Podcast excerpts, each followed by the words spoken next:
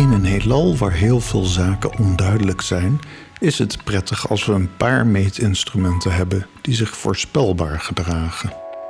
Vandaag behandelen we een van die meetinstrumenten, de CVI-de veranderlijke ster. Eh, Ik denk dat je er een hele podcast aan kan wijden.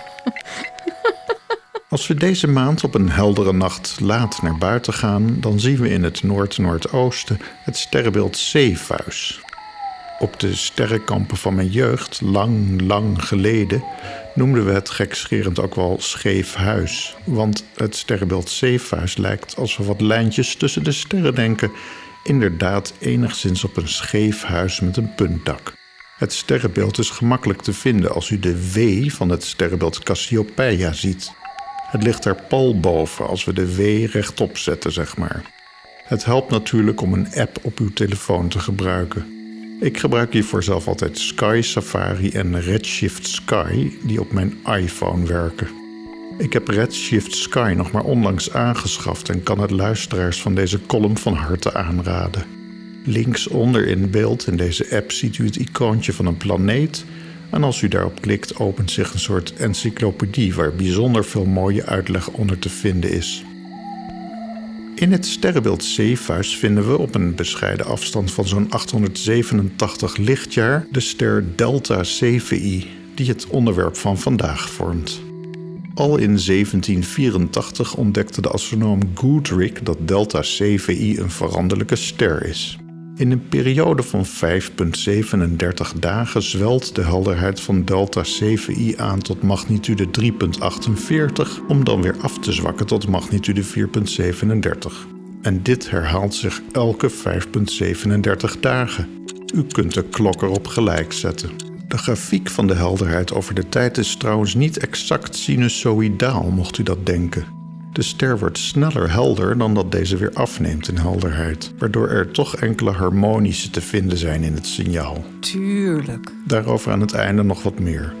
Dit pulseren van delta Cephei gebeurt niet alleen in helderheid, maar ook in de radius van de ster en de temperatuur. Dit klinkt op het eerste gezicht misschien niet zo spectaculair, maar in 1908 ontdekte de astronoom Henrietta Swan Leavitt dat er veel meer sterren zoals delta Cephei bestaan, die zich allemaal eender gedragen.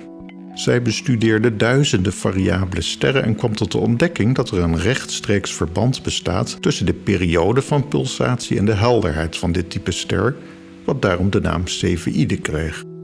En wat is daar bijzonder aan?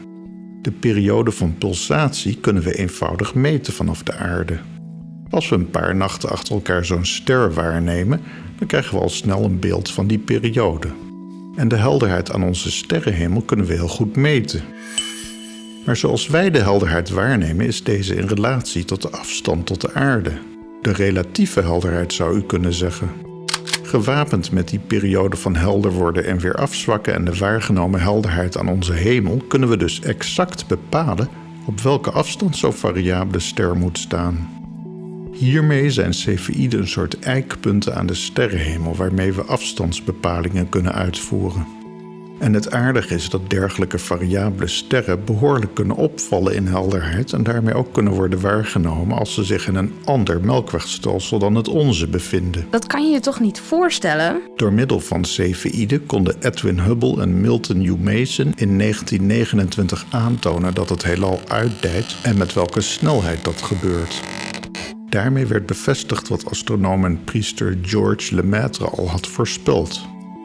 Inmiddels zijn we bijna een eeuw verder en weten we dat er nog wat variatie bestaat tussen de Cepheïden.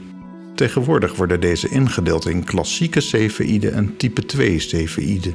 Beide typen kunnen gebruikt worden voor nauwkeurige afstandsbepalingen. Maar waar de klassieke Cepheïden een veel grotere massa hebben dan onze zon, zijn de type 2 Cepheïden een stuk lichter. Hoe komt het eigenlijk dat Cepheïden zwellen en krimpen in grootte, helderheid en temperatuur? Het onderliggende principe heet het Eddington-ventiel. I passed through the decompression chamber. Het element helium speelt hierbij de grootste rol. Zoals u misschien wel weet, werken sterren door waterstof in een proces van kernfusie om te zetten in helium. Waterstof heeft één proton in de kern en helium heeft er twee. De kernfusie in zo'n ster kunt u zien als het samenvoegen van twee waterstofatomen tot één heliumatoom. In het periodiek systeem der elementen ziet u dan ook dat waterstofatoom nummer 1 heeft en heliumatoom nummer 2. Een neutraal heliumatoom heeft behalve die twee protonen ook twee elektronen die om die kern bestaan. Verwijderen we één elektron, dan hebben we een elektrisch geladen helium-ion. Maar we kunnen ook allebei de elektronen verwijderen en dan hebben we een dubbel zo elektrisch geladen helium-ion. Dat dubbel geladen helium-ion is minder doorzichtig voor straling dan een enkel geladen helium-ion. In de atmosfeer van zo'n Cepheïde-ster vinden we een wolk van helium-ionen. Die worden verhit door de ster in kwestie, waardoor meer dubbel geladen helium-ionen ontstaan. Hierdoor wordt die sterrenatmosfeer nog minder doorlaatbaar voor straling en de temperatuur neemt toe. Hierdoor begint de ster op te zwellen. Maar stevast koelt zo'n opzwellende schil van helium-ionen ook weer af. De zwaartekracht van de Cepheïde maakt dat de ster daardoor weer krimpt. En dan begint het proces weer van voren af aan. Astronomen kennen grote aantallen Cepheïden.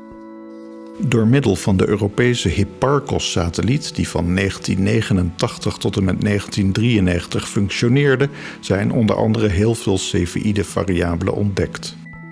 Met behulp van de waarnemingen met de Hipparcos-satelliet is de rotatie van onze eigen melkweg bijvoorbeeld veel beter in kaart gebracht dan voorheen bekend was. Zeer veel van deze Cepheïden hebben natuurlijk oninteressante catalogusnamen en zijn met het blote oog niet te zien. Maar er zijn ook Cepheïden die u met uw eigen oog kunt zien aan de sterrenhemel. De bekendste is zonder meer Polaris, onze eigen Poolster. Ook die Poolster is een klassieke Cepheïde. En in het sterrenbeeld de Arend vinden we een Cepheïde die met het blote oog goed te zien is, Eta Aquilae. Deze Cepheïde varieert in een periode van 7,17 dagen tussen magnitude 3,5 en 4,3. Misschien kunt u deze ster de komende zomer vanaf uw vakantieadres een keer zien. Tot slot vraagt u zich misschien af hoe een Cepheïde-variabele ster kan worden onderscheiden van een anderszins variabele ster. Want stel dat twee sterren om elkaar heen draaien, dan zien we vanaf ons de helderheid in sommige gevallen toch ook toenemen en afnemen in de tijd? Het antwoord vinden we in de typische lichtcurve van een Cepheïde. Zoals gezegd neemt de helderheid snel toe en een stuk langzamer af. Dat gedrag levert een zeer herkenbaar patroon op. Als we het enorm versnellen, kunnen we het hoorbaar maken. Iets wat gradueel toeneemt en afneemt, levert een sinusoïdaal patroon op. Dat klinkt zo. Heel zuiver. Een sinus heeft geen overtonen. De helderheidsgrafiek van een Cepheïde lijkt veel meer op een zaagtand en klinkt dan zo. Zo'n zaagtand kent wel overtonen en klinkt rijker dan een sinus van dezelfde frequentie.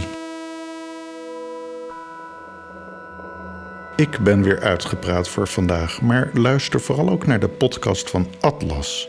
Daar wordt momenteel geheel in lijn met de podcast waar u nu naar luistert, het Majorana-mysterie ontrafeld. Leo Kouwenhoven haalde in 2012 het wereldnieuws toen hij aanwijzingen vond voor het bestaan van het Majorana-deeltje. In 2018 werd het deeltje ook daadwerkelijk gevonden.